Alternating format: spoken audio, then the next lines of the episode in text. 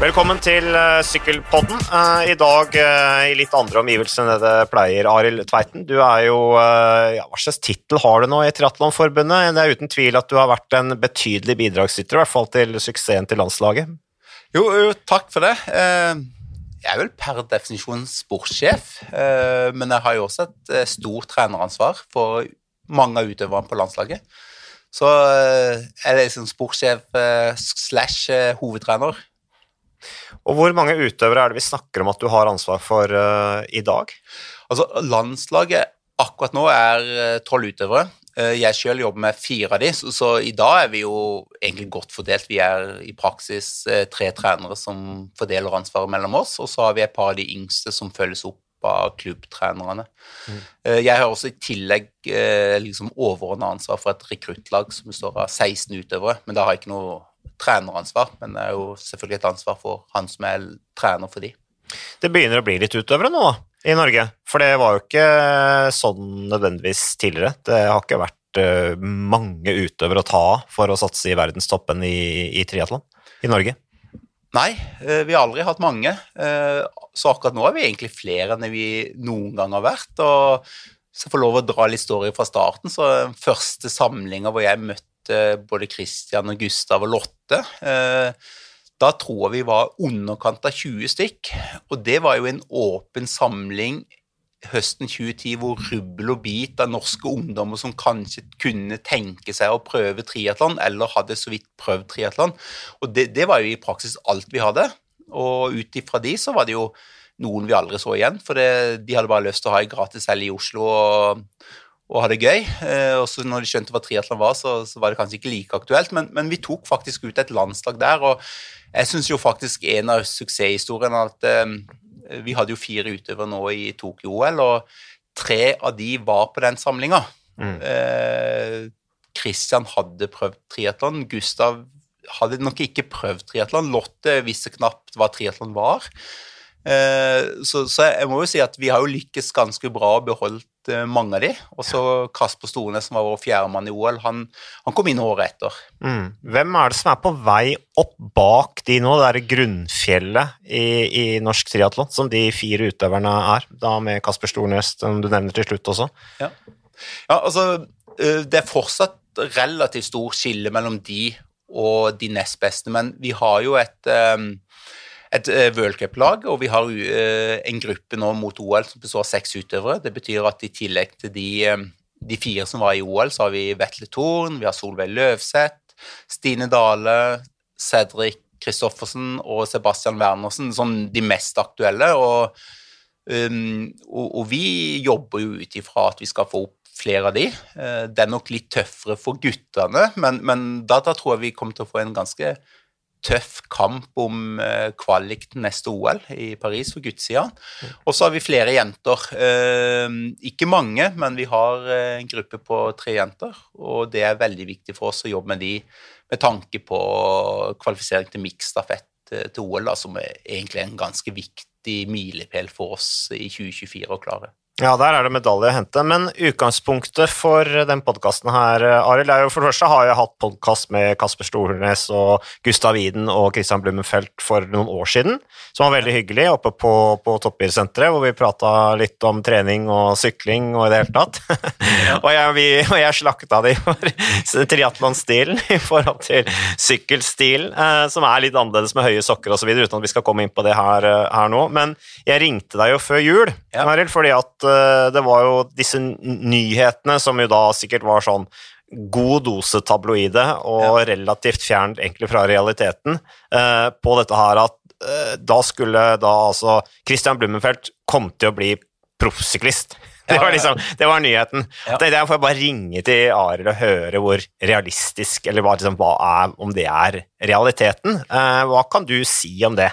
Altså, jeg vet ikke så veldig mye mer enn sist, men, men det, det, er nok litt tabloid. Eh, jeg kjenner jo Christian såpass at han, han ser nok utfordringer i at det kunne være spennende. Og, og jeg, han er jo den typen som ikke ser begrensninger. Han sier at ja, jeg kan være den første som klarer å kombinere det med f.eks. å være verdens beste Ironman-utøver og være sykkelproff.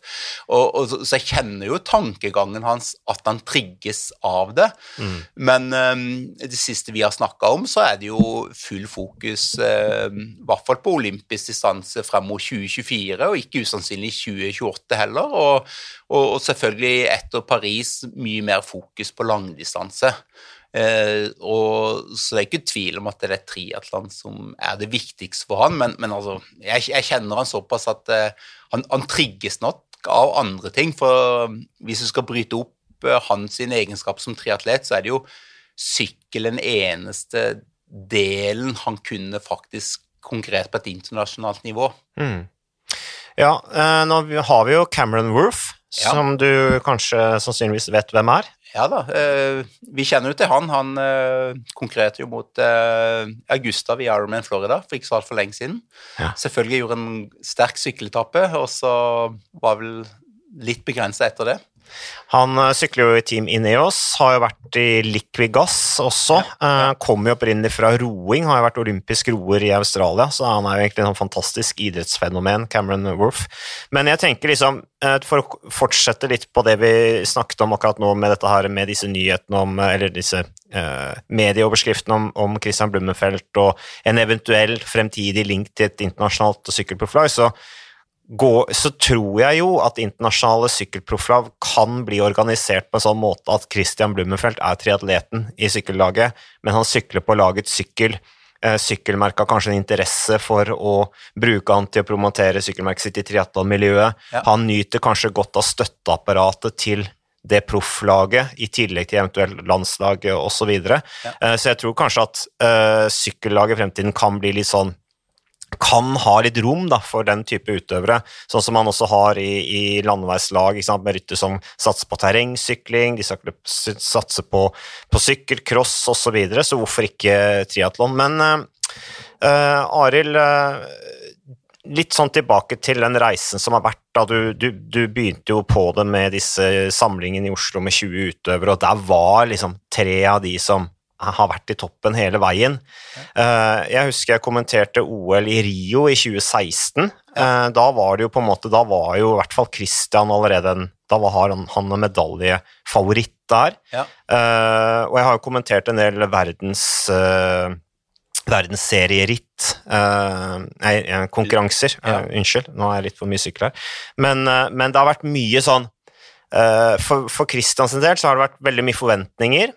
Eh, og så har han klinka til innimellom, eh, men han har sjelden vunnet. Eh, og så har det vært mange nedturer ja. mellom hver opptur.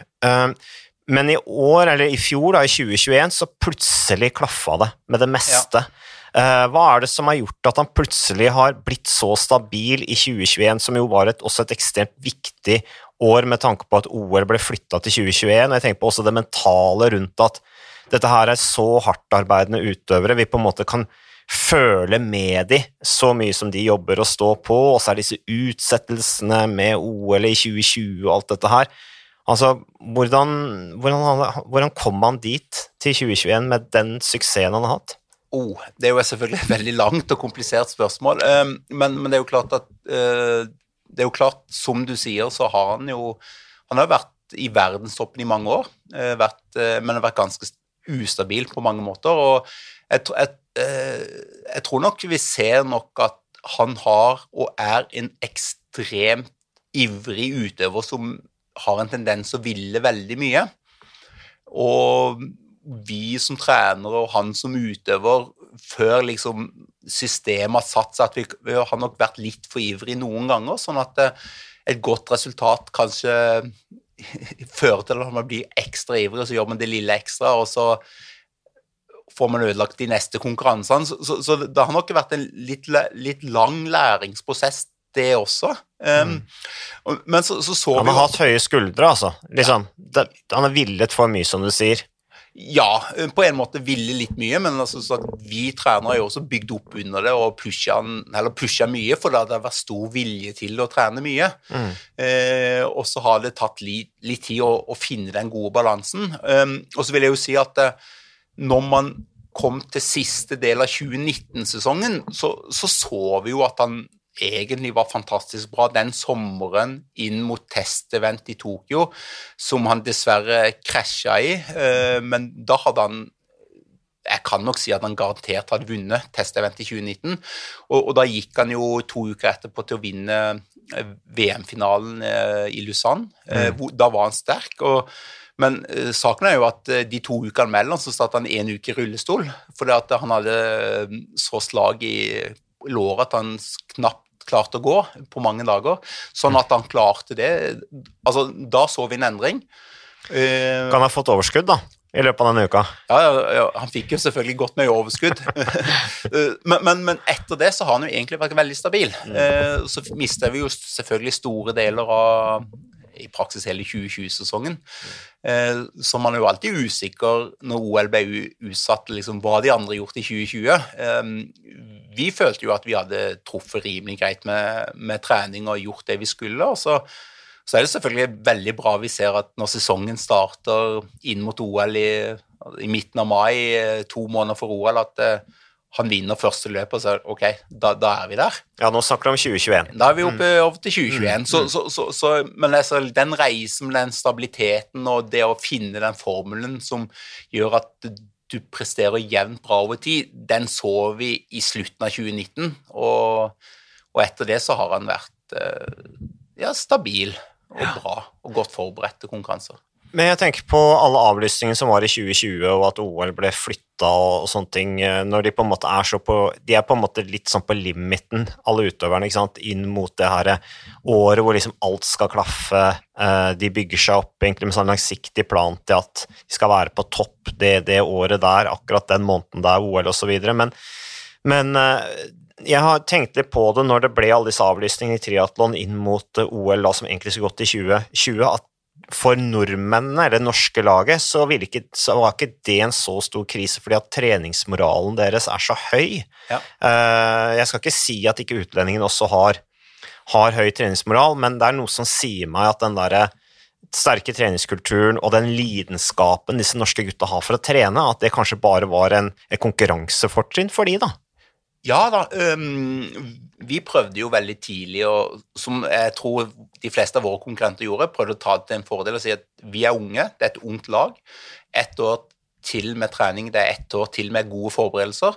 Uh, og så, så vil jo jeg tro at våre fleste konkurrenter angrep det på samme måte, men vi hørte jo mange av den generasjonen som er på tampen av karrieren sin, at de sleit veldig motivasjonsmessig. så De begynte med en to, to måneders ferie etter nedstengninga for å finne ut hva de skulle gjøre, men mm. mens våre utøvere dro hjem og så var det sånn Ok, svømmehallene er stengt, hva gjør vi? Nei, men da kan vi gjøre litt mer på sykkel og litt mer på løp. Og så, så lagde de litt sånne utfordringer på ting de hadde lyst til å gjøre, og det er også det som kjennetegner utøverne våre det, det, er jo den lysten til å trene. Og, og, det er jo klart at i den perioden så var det jo gjort en del trening som altså Sykkelturer på 30-35 mil kan alltid diskutere hvor lurt det er. Men jeg har alltid sagt når jeg blir spurt om det Når utøverne spør om de kan gjøre det, så vil jeg heller ha en utøver som spør om de kan få lov å sykle 30 mil, enn en utøver som spør om de kan ligge på sofaen en dag. Så kan mm. vi alltid diskutere hvor optimalt det er, men eh, det, det sier jo litt om mentaliteten til dem. Ja, altså en, Du snakker om iver til å trene og lidenskap for å være ute i bevegelse, alt dette her som de åpenbart har, men noe annet er jo det der med offensiv innstilling. Ja. Altså, Du nevner jo uh, konkurrenter, utenlandske konkurrenter som da tar en pause liksom for å finne ut av hvordan de skal gjøre ting. De, altså, de får en nedtur ja. når, planen, når det blir endringer i planene. Mens her så ser man, slik du beskriver det, så ser jeg bare for meg en gjeng som bare sier ok, hva, hvilke utfordringer skal vi gjøre nå? Tar, dette er offensiv da, i forhold til uh, problemstillinga. Og der er vel uh, Hvor viktig er du i dette her? Er de sånn helt av natur, utøverne dine, eller, eller, er du veldig til å tenke at oi, oi, shit, nå kan det være at de får en nedtur, så nå må jeg fyre de opp. hvor er liksom balansen i det? Oh, um, det er nok en balansegang. Altså, vi er nok heldige som har den type utøvere vi har, men, men jeg, jeg, tror nok jeg, jeg, har en påvirkning på det sjøl. Altså, hvis jeg drar en story Altså, jeg sjøl var jo middelmådig utøver, og, og, jeg husker når jeg drev på, jeg, jeg satte så mye begrensninger på meg sjøl, hvor vanskelig ting var. Og, og, jeg bestemte meg at når jeg ble trener, så skulle jeg liksom være den som hele tida ikke satte de begrensningene, var offensiv, utfordra utøveren, utfordre meg sjøl. Mm, det er jo litt jobben din, da, på en måte. Ja, ja altså det er jo det. Mm. Og selvfølgelig, det er jo en det er jo en, alle har det altså Jobber du i den bransjen, så er det jobben din. Mm. Men det, det, er jo klart at um, man merker jo de som har passion for det, og de som ikke har det. Og jeg har jo også sagt at den dagen jeg ikke har den driven i meg, så, så må jeg finne på noe annet å gjøre. Men foreløpig så, så har jeg en sånn motivasjon, jeg har en sult jeg kan alltid se at ting kan bli bedre. og Det er også sånn mantra vi har, at du, skal aldri være helt fornøyd. altså ja, Det er kjempebra at uh, vi vant OL, det er kjempebra at Christian gjorde de tidene han gjorde på Ironman, men det er alltid ting som kan gjøres bedre. Det er alltid ting som kan utvikles. Og, og, og, og den, den, den, drivkraften der, det, det tror jeg er det, jeg tror det er en forutsetning for å lykkes. Og så det en kombinasjon at du har de rette trenerne som har den utålmodigheten og den drivkraften, og at du har de rette utøverne selvfølgelig også. Ja, for det er jo et stikkord her, da, at du har utøvere som inspirerer deg. For du blir jo ikke inspirert som trener hvis du har utøvere som ikke er inspirerende, på en måte. Det hjelper jo at de er offensive og på hugget, og det er jo kjedelig å være trener for utøvere som hele tiden bare ser problemer. Ja, eh, ja helt klart. Altså du er jo, du er jo privilegert som har de utøverne, og hvis ikke du har de, så må du, må du prøve å jobbe med de. Altså, vi har jo aldri hatt mange utøvere, så, så, du må jo prøve å jobbe med de de var, har, og prøve å få de til å se hva som kreves, få den mot indre motivasjonen og drivkraften til, til å lykkes. Men vi ser jo selvfølgelig at når du har et landslag over mange år, så er det mange som eller ikke mange, men alltid noen som ikke har det over tid. Mm. Og, og da, da, har du kanskje en rolle med å kanskje anbefale dem å gjøre noe annet.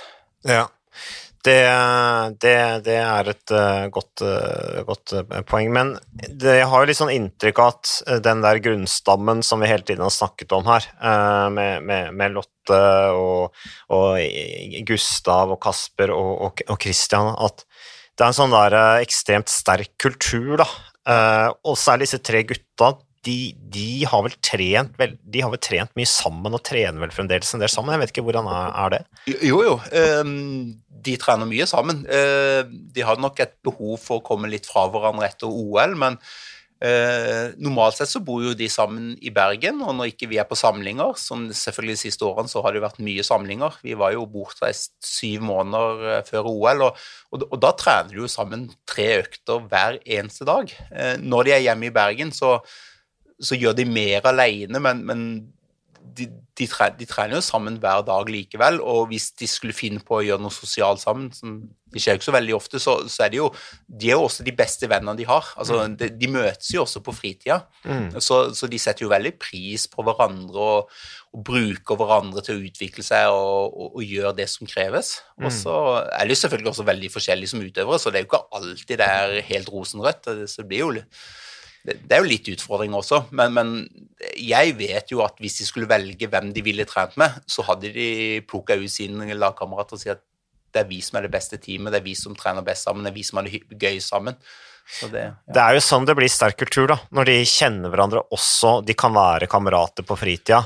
Ja. Og i tillegg har lyst til å trene sammen fordi at de, de, de, matcher hverandre og utfordrer hverandre, og også har en krangel innimellom. Fordi at sånn er det når man er så på grensa med mye trening og press i forhold til konkurranser, ja. og tilbringer så mye tid sammen. Men Eh, Arild, eh, vi, eh, da vi snakka sammen på telefon, så spurte jeg deg litt om dette her med, med utvikling, og jeg syns jo på en måte den, den måten dere har jobba på i Triatlonforbundet inn mot f.eks. OL i Tokyo nå, ja. med dette her med varmetrening, og man har veldig inntrykk av at dere er veldig nysgjerrige i forhold til utvikling og bruk av moderne metoder og teknologi osv. Ja. Hva tenker du at eventuelt andre utholdenhetsidretter i Norge, uh, andre idretter også for den saks skyld, kan lære av uh, triatlon?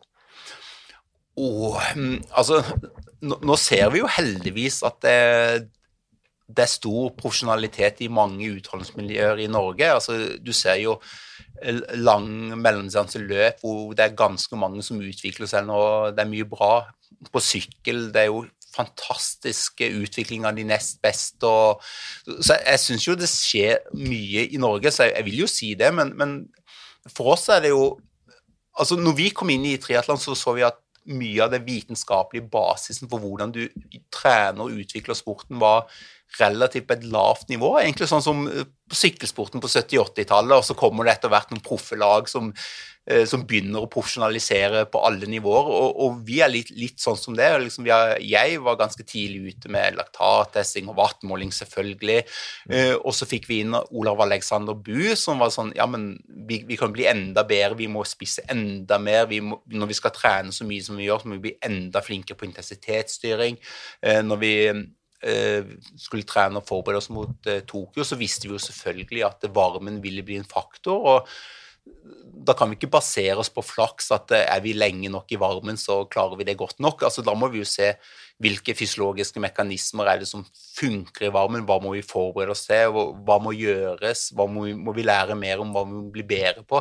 Og, og, og det er igjen litt av denne utålmodigheten og den drivkraften, og ikke det at du slår deg til ro og sier at vi er flinke, vi vet hva som, kan, eller hva som skal gjøres, for det er alltid ting som kan gjøres bedre.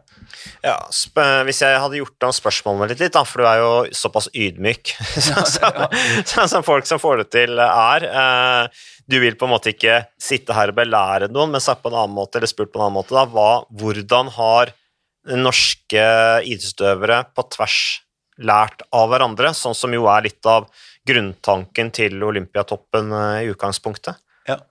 ja nei, altså, altså, I utgangspunktet så, så, har jo vi lært eh, min, min, grunnfilosofi for trening er jo inspirasjon fra Olympiatoppen eh, gjennom mange år. Men, men, så etter hvert så ser du tydelig at du må forme din egen vei. Du må lage det du tror på, og, og der har vi jo antageligvis tørt å utfordre inn triatlmiljøet på at altså på, litt på tvers av anerkjent vitenskap. At vi, vi setter ikke noen begrensninger. men dette har ski gjort i alle år, nå skal vi gjøre det samme. Eller roing, for den saks skyld. altså Hva kan vi gjøre bedre? Så, så, jeg, så jeg, mener jo at vi har utvikla mye innen trening som andre ikke har gjort på samme måte. Eh, og, og, ja.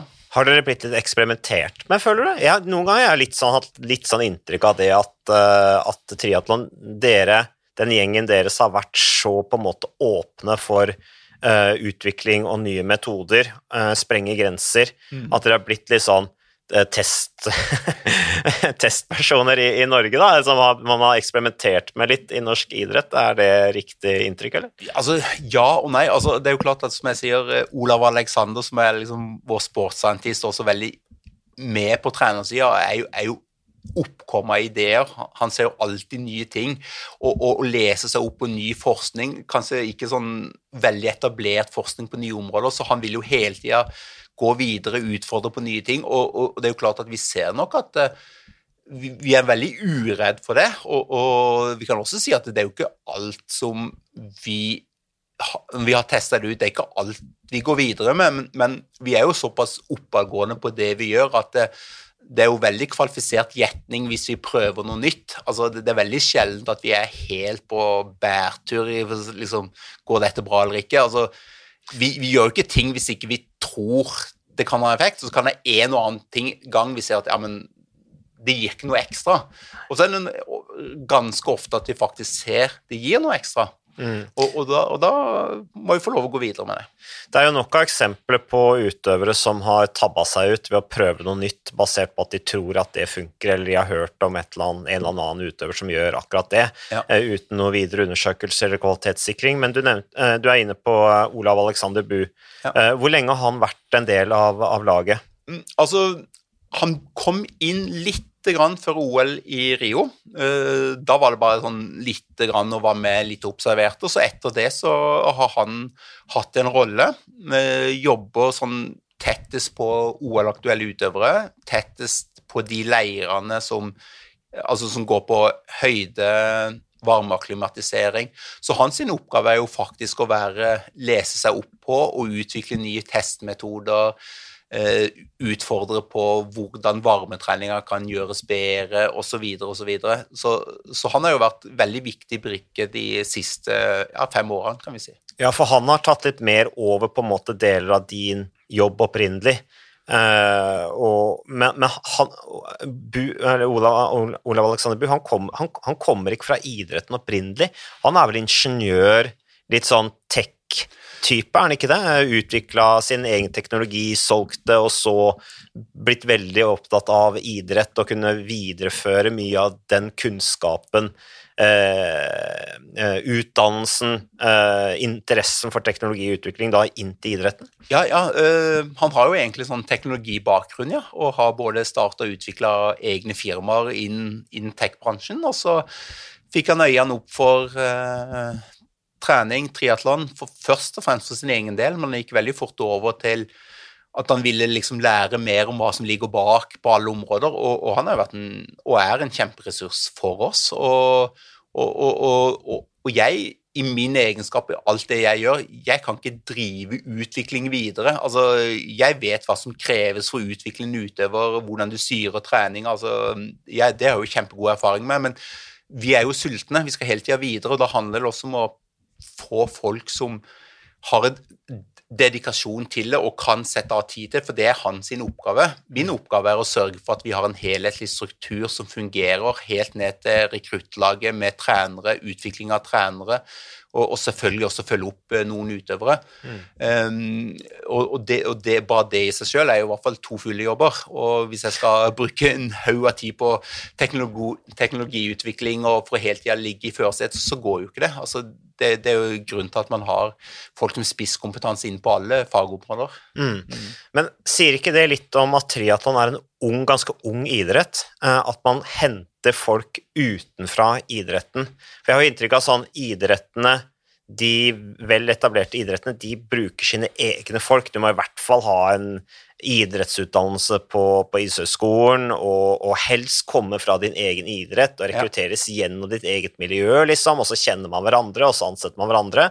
Men er ikke er, det, det, det, kan godt tenkes at det er mange eksempler på det i norsk idrett, at de henter folk utenfra, men men jeg har litt sånn følelsen av at det handler litt om fordi at triatlon er et relativt ungt miljø, da, ja. Eh, og at dere kanskje går litt nye veier som kanskje ikke er så tradisjonelt i, i norsk idrett? Eh, ja, vi går nok nye veier. Eh, og, men som jeg også var inne på før, altså når jeg begynte med triatlon, så, så, var det relativt lite utvikla. Det kommer jo fra Ironman, langdistanse, og det var veldig sånn det handla om hvor mye klarte du å få noen til å trene, så ble du god nok. Og, mm. og, og det var det mye, mange som lykkes med det, men kanskje enda flere som ikke lykkes. Og, og så, så, ble det olympisk idrett, så, så, er det selvfølgelig da er det jo større vitenskap bak hvordan jobber man, hvordan utvikler man utøver til bli god på en olympisk distanse. Men altså, jeg så jo at eh, når jeg begynte å jobbe med disse i 2011, hvor jeg begynte å jobbe med Christian, så var jo jeg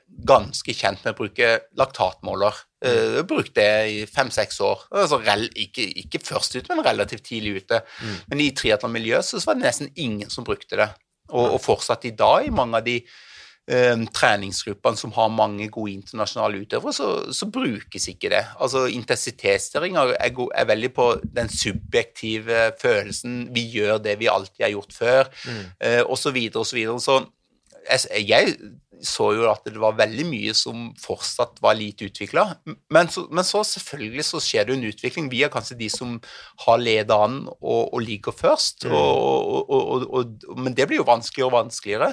For nå er det jo flere nasjoner, flere landslag som begynner å profesjonalisere satsinga, selvfølgelig. Og mange nasjoner som har kanskje ti, ti ganger, hundre ganger så mange utøvere som vi har, har jo, vil jo på mange måter ha oddsene med seg i forhold til å lykkes, i det de også kommer opp og klarer å, å bruke den kompetansen og kunnskapen som tross alt finnes ute i verden. Mm. Men eh, det gjør jo bare at vi må bare prøve å være enda mer sultne og enda mer ligge i forkant for å prøve å ta litt raskere steg enn våre konkurrenter, da.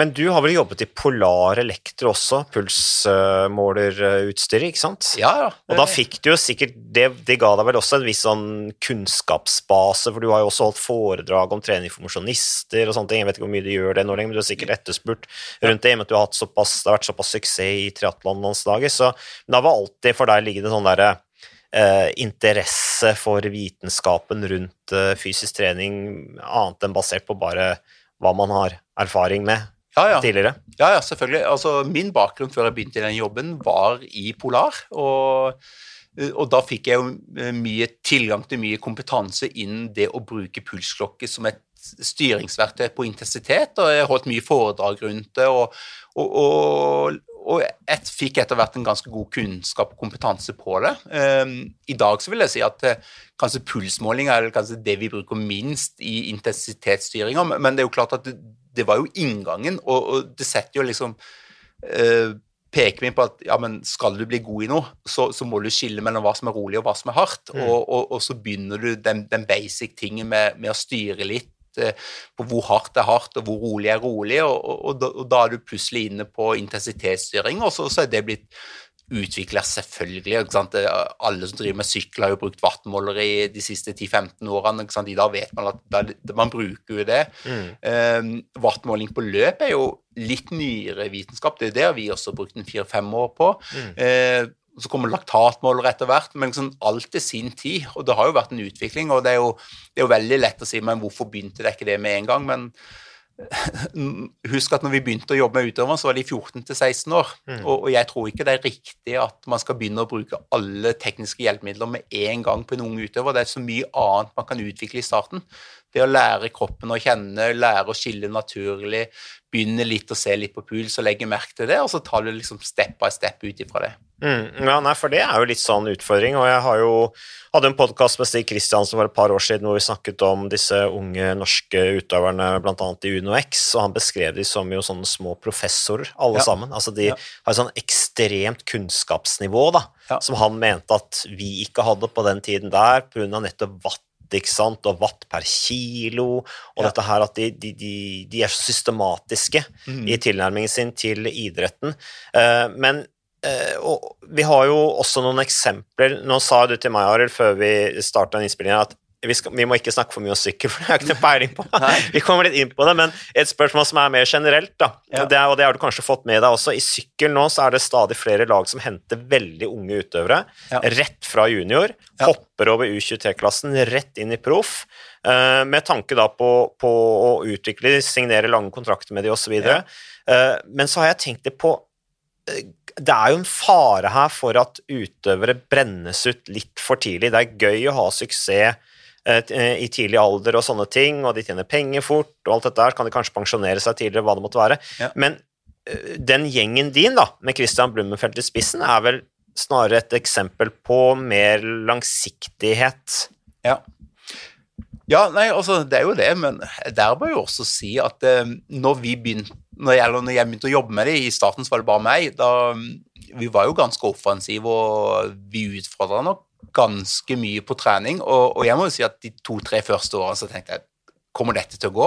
Jeg, altså, jeg var såpass usikker på meg sjøl. Sånn, kjører jeg for hardt? Eh, får vi bare blaff, og så forsvinner det? Mm. Eh, og så etter hvert, når du har jobba med det i noen år, så ser du at nei, det var kanskje på grunn av at vi jobba sånn ganske høyt volum ganske tidlig. Eh, og klarte å, skape noe som legger forutsetninger for en god, langsiktig utvikling eh, på en bedre måte enn f.eks.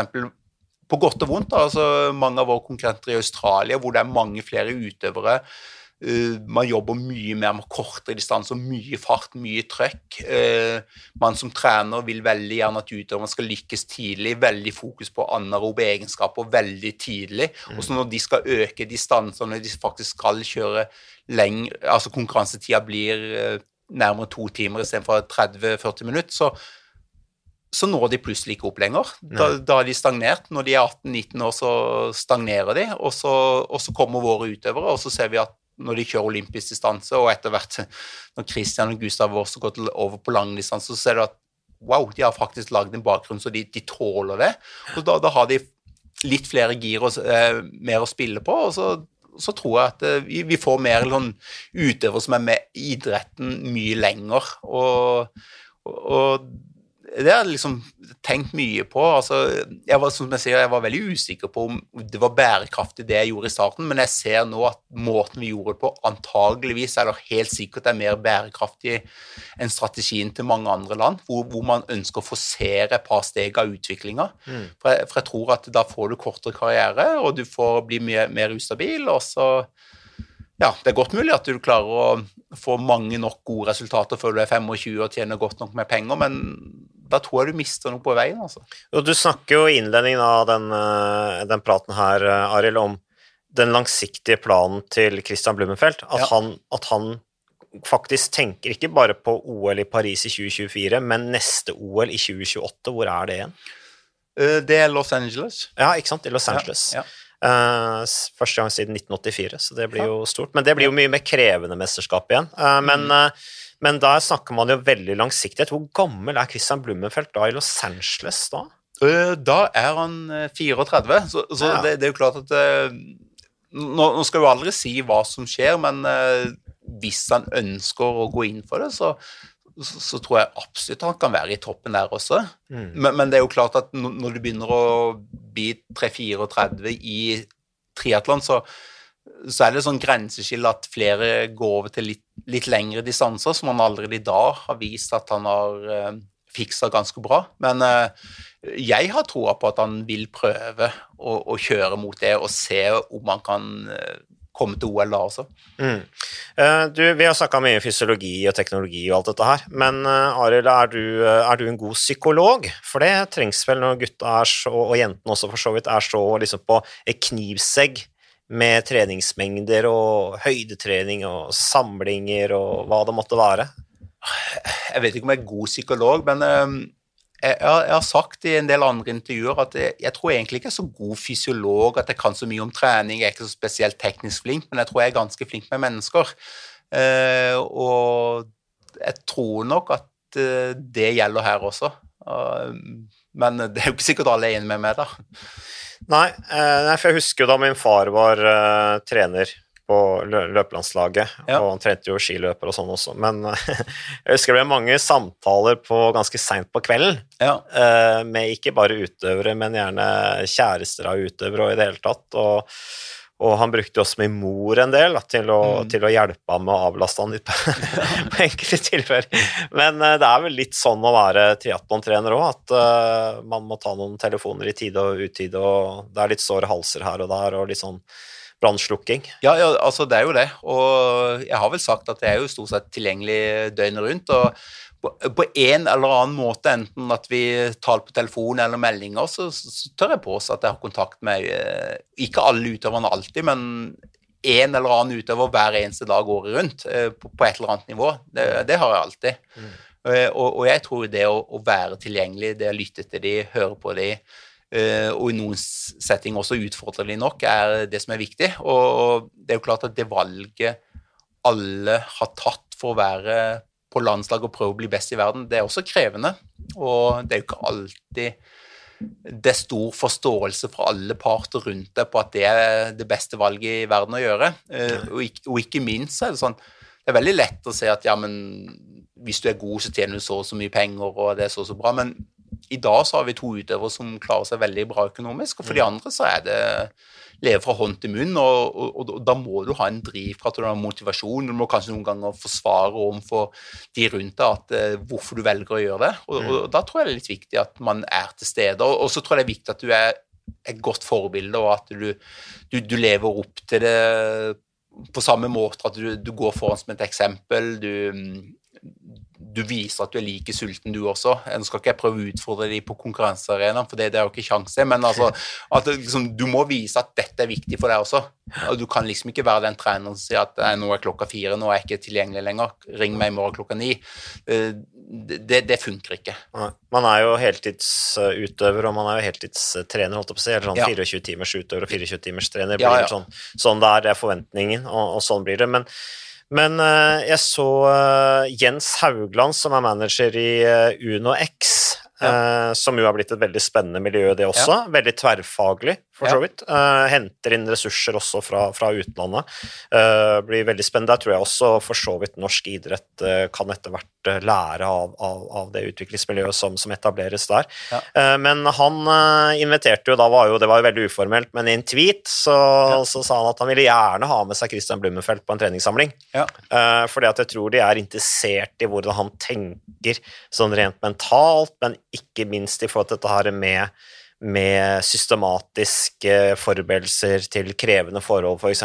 Tokyo. Ja. Nå blir jo Paris egentlig mye enklere, men så kommer Los Angeles, blir sikkert krevende og sånne ting. Dere opparbeider dere en voldsom uh, erfaringsbase. Um, og, og når vi var inne på dette med Asia og Tokyo, så dere, dere, har jo, dere har jo allerede vist tidligere, før Tokyo, at dere var gode Ja. på akkurat den tidsforskjellen der og de forholdene der Mm. tidligere ved at Kristian har vunnet uh, konkurranser her tidligere. Store konkurranser også. Men, uh, men uh, når det gjelder sykling, da eh, Dette er jo Sykkelpodden, og du sier at du ikke har peiling på sykling, men du må jo ha noe mening om sykling, fordi disse gutta sitter jo på en sykkel og trår. Ja. Eh, og det er jo ganske viktig. Nå er jo eh, olympisk distanse det er jo en fellesstart. Ja. Så er det jo om å gjøre å komme seg opp av vannet og ikke ha tapt for mye tid, og så hente rytterne samarbeid, og så blir det gjerne felt etter hvert, og sånne mm. ting. Det blir jo ganske taktisk. Jeg har jo slakta gutta dine litt sånn taktisk innimellom. ja. Samtidig som de har gjort noen helt fantastiske prestasjoner, bl.a. i Bermuda, som jo var det første eh, verdenstorkonkurransen jeg kommenterte, ble det jo trippel. Ja, Eh, Det var jo helt enormt. Men, eh, men eh, hvordan Du nevnte det litt med, med, med dette med aerodynamikk. Ja. Eh, Hvordan jobber dere for å bli bedre syklister? Oh, um ja, hvis vi tar aerodynamikk først, da, så, så, så jobber vi jo eh, en god del med å utvikle en sånn egen triatlonbøyle til OL. Eh, man har en sånn veldig sånn sær triatlonregel at det er lov å ha en sånn klipp og en triatlonbøyle som må være såpass kort at de stikker ut forbi bremsene, som det setter selvfølgelig store begrensninger. Mm.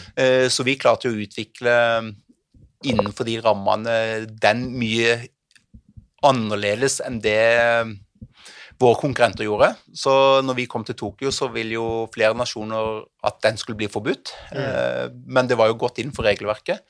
Så gjør det selvfølgelig med til storyen at nå har de jo endra regelverket, så den ikke blir lov til neste år. Men, men det var jo en av de tingene som annet ga oss en fordel. Og, og så utover det så bruker vi jo mer tid på, på aerodynamikk, optimal sittestilling og sånt. Men, men, men sånn historisk sett så kan du si at eh, i forhold til å gjøre gode taktiske valg, kjøre som et lag, så er vi ikke eh, sånn i begynnelsen og de første årene var vi kanskje ikke like finslepne som man begynner å bli nå. Eh, og, og så er det jo mange som Altså, det er veldig få som kommer inn i triatlon med sykkelbakgrunn, og, og da ser man at eh, man mangler litt eh, tekniske ferdigheter også, og det er også en, en treningssak, og det er ikke alle av våre utøvere som er like flinke i altså det, I praksis så kjører du tekniske kriteriumsløyper med rundløyper på fem kilometer, og, og der er det fortsatt mye å hente, og det er også ting vi prøver å utvikle. Um, men, men uh, i forhold til en sånn reinblodssyklist, så er vi jo relativt dårlige der.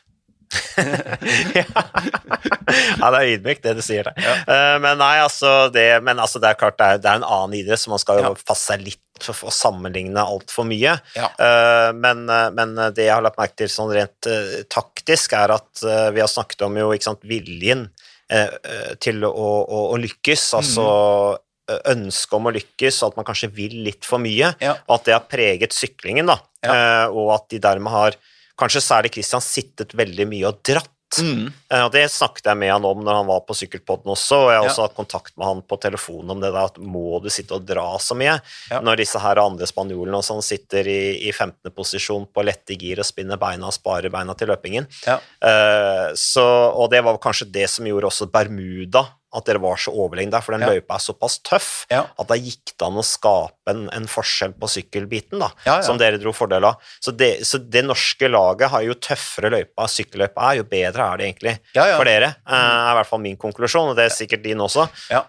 Men, uh, men uh, dette her med girbruk, eksempel, altså, du, du nevner jo det, Arild, dette her med at det er inne i gjerne byområdet, kriterium, ofte veldig flate løyper, Ja. Uh, trekkspilleffekt av å ligge bak i felt og sånne ting, sitte riktig posisjonert. Ja. Der var jo OL i Tokyo et godt eksempel på Christian gjorde veldig mye riktig, syns jeg. Ja. Da satt han jo slik jeg husker det, det var jo seint på kvelden selvfølgelig, men han satt jo aldri langt bak i feltet. Nei. Var sånn tredje-fjerde posisjon hele tiden. Ja. Uh, og, og, og, og, og var mye framme og dro, men han overdrev ikke føringene på tunge gir osv. Hvor mye snakker dere om det taktiske rundt syklingen eh, før f.eks. OL-fellesstarten i Tokyo? Um, altså, egentlig så prater vi ganske lite om det, men, men eh, det lå i hvert fall Men sånn før OL, så, så er dette egentlig litt sånn større perspektiv også. For at, ok, vi vet at det å ligge i 30., 4., 50 posisjon, eller ganske langt foran, er veldig bra med tanke på trekkspilleffekten. Um, men så lå det litt i en av de tingene vi hadde sett en del på i forhold til å prestere i varme, det var hvordan kårtemperaturen påvirkes av intensitet. Eh, Og vi ser at eh, kjører du for hardt for tidlig, så, så blir du for overoppheta og sliter med å prestere i varmen. Mm. Spesielt på løp. Eh, Så, men vi hadde jo en sånn strategi på at det visste vi. Vi hadde tilgang til data som vi visste hvordan våre utøvere responderte på det. Så, så litt av clouet på sykkel var jo å holde opp en fart som var vel innafor det vi tålte, mens vi visste at ganske mange i feltet ville ha problemer med å tåle, for det ville medføre en stigning i K-temperaturen de sin, som ville påvirke de sine muligheter til å løpe fort. Og, og derfor så, så vi jo at det var veldig mange sterke løpere som ikke hadde sjans til å løpe på det nivået de skulle. Og det var ikke fordi at de plutselig var blitt to minutter dårligere på 10 km, men fordi at det spillet på sykkel satte i gang prosesser hvor de sin kårtemperatur ble for høy til at de hadde faktisk muligheter til å løpe optimalt i forhold til det de kunne. Så, så akkurat i OL så, så var jo det en litt bevisst strategi. Mm. At vi styrte, for vi visste at vi er litt bedre enn de andre på sykkel. Hvis vi ligger på den grensa vi vet vi tåler, så vet vi at veldig mange av våre konkurrenter går litt over den grensa. Hadde det vært 15 grader, så hadde det antageligvis, eller helt sikkert ikke blitt de forskjellene. Men i Toko så ble det store forskjeller. Ja, så i forhold til forberedelser, hvor gode dere er på forberedelser, så er ekstreme forhold bra for dere. For Ja. det forbereder dere til. Ja, ja, for eh, vi forbereder oss til det. Og det er, klart, det er bare tull å si at det, er ikke, at det er vanskelig for nordmenn å hevde seg i ekstremt eh, klima, verken i varme eller kulde. Det, det er bare snakk om å være forberedt. Mm. Det går mot slutten av den podkasten Arild, men uh, hvor mye følger dere med på, på norsk uh, sykkel?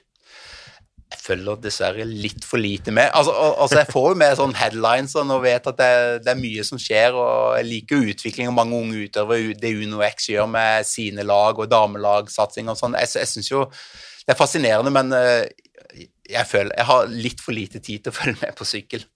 Vi hadde jo Odd Christian Eiking på en podkast her nå som snakket litt om treningsmiljøet i Bergen. og eh, Han har jo trent en del med triatlongutta. Da regner jeg med at det er Iden og Stornes og, og, og Blummenfelt. Ja. Men han sa at de gamper så fælt, sa han. Ja, ja. De skal, de, fordi at de er så han sa at de, eh, Odd Christian Eiking er jo en, han er veldig glad i å trene og gjør ting skikkelig. Veldig god utøver. Eh, Han hadde jo leder tror jeg, en uke i Spania rundt, men han sa at triatlongutta Han sa det på en vennlig måte, men han Ja. sa at de er så systematiske i forhold til watt Ja. og, arbeidsoppgave på trening at, eh, at de, de rett og slett Det blir for, for, eh, for, for tung trening for meg, da, mente han. da. Ja. Eh, at de gamper rett og slett for mye. altså De holder for monoton, monoton fart. Ja. Kjenner du deg litt igjen i det? eller? Ja, ja, jeg kjenner meg nok litt grann igjen i det. Um, nå vet jo ikke jeg hvilken bakgrunn han sa det, men jeg vet jo at faktisk når han var hjemme i Bergen og forberedte seg til, til Spania rundt, så var han jo i, i hvert fall en periode i ganske ræva form, og jeg tror han uh, følte at han ble litt rævkjørt av et par av guttene, og at han syntes det var litt tungt, ja. Ja. Uh, men uh, for all del, han, han, han Når han får trent, altså Han gjorde jo kjempeinnsats i Spania rundt. Jeg la jo selvfølgelig merke til det. For jeg vet jo at han trener litt med guttene, og, og, og de har jo sykla med han. Eller Gustav har jo sykla med han, så, og Mikael, en av trenerne våre, fra når de var unge, aktive syklister. Så jeg, så jeg vet jo han er jo en del av gjengen, så, så hun følger jo litt med på han, da. Ja, nei, Det er vel kanskje en god sånn formtest å trene med triatlongutta. Går det lett, så er det bra form. Er det veldig tungt, så har du litt å jobbe med. Ja, det er kanskje det du skal gjøre. Men uh, Arild Tveiten, tusen takk for uh, praten, uh, og at du deler uh, med erfaringene deres også. Gratulerer med fantastisk innsats. Iherdig og tålmodig innsats over mange år. Det er utrolig gøy å se at det gir resultater. da. At man lykkes med, med målene sine. Uh, sånn sett så syns jeg at uh, OL i Tokyo var helt fantastisk med, med, med den innsatsen der. Det var gøy å se at liksom det, det gir tilbake. Um, så det er gøy. Og så lykke til masse med, med veien videre mot, mot, Paris og Los Angeles og, ja. og, delmål på veien dit. Ja, takk for det, og takk for at jeg fikk lov å være med. Takk.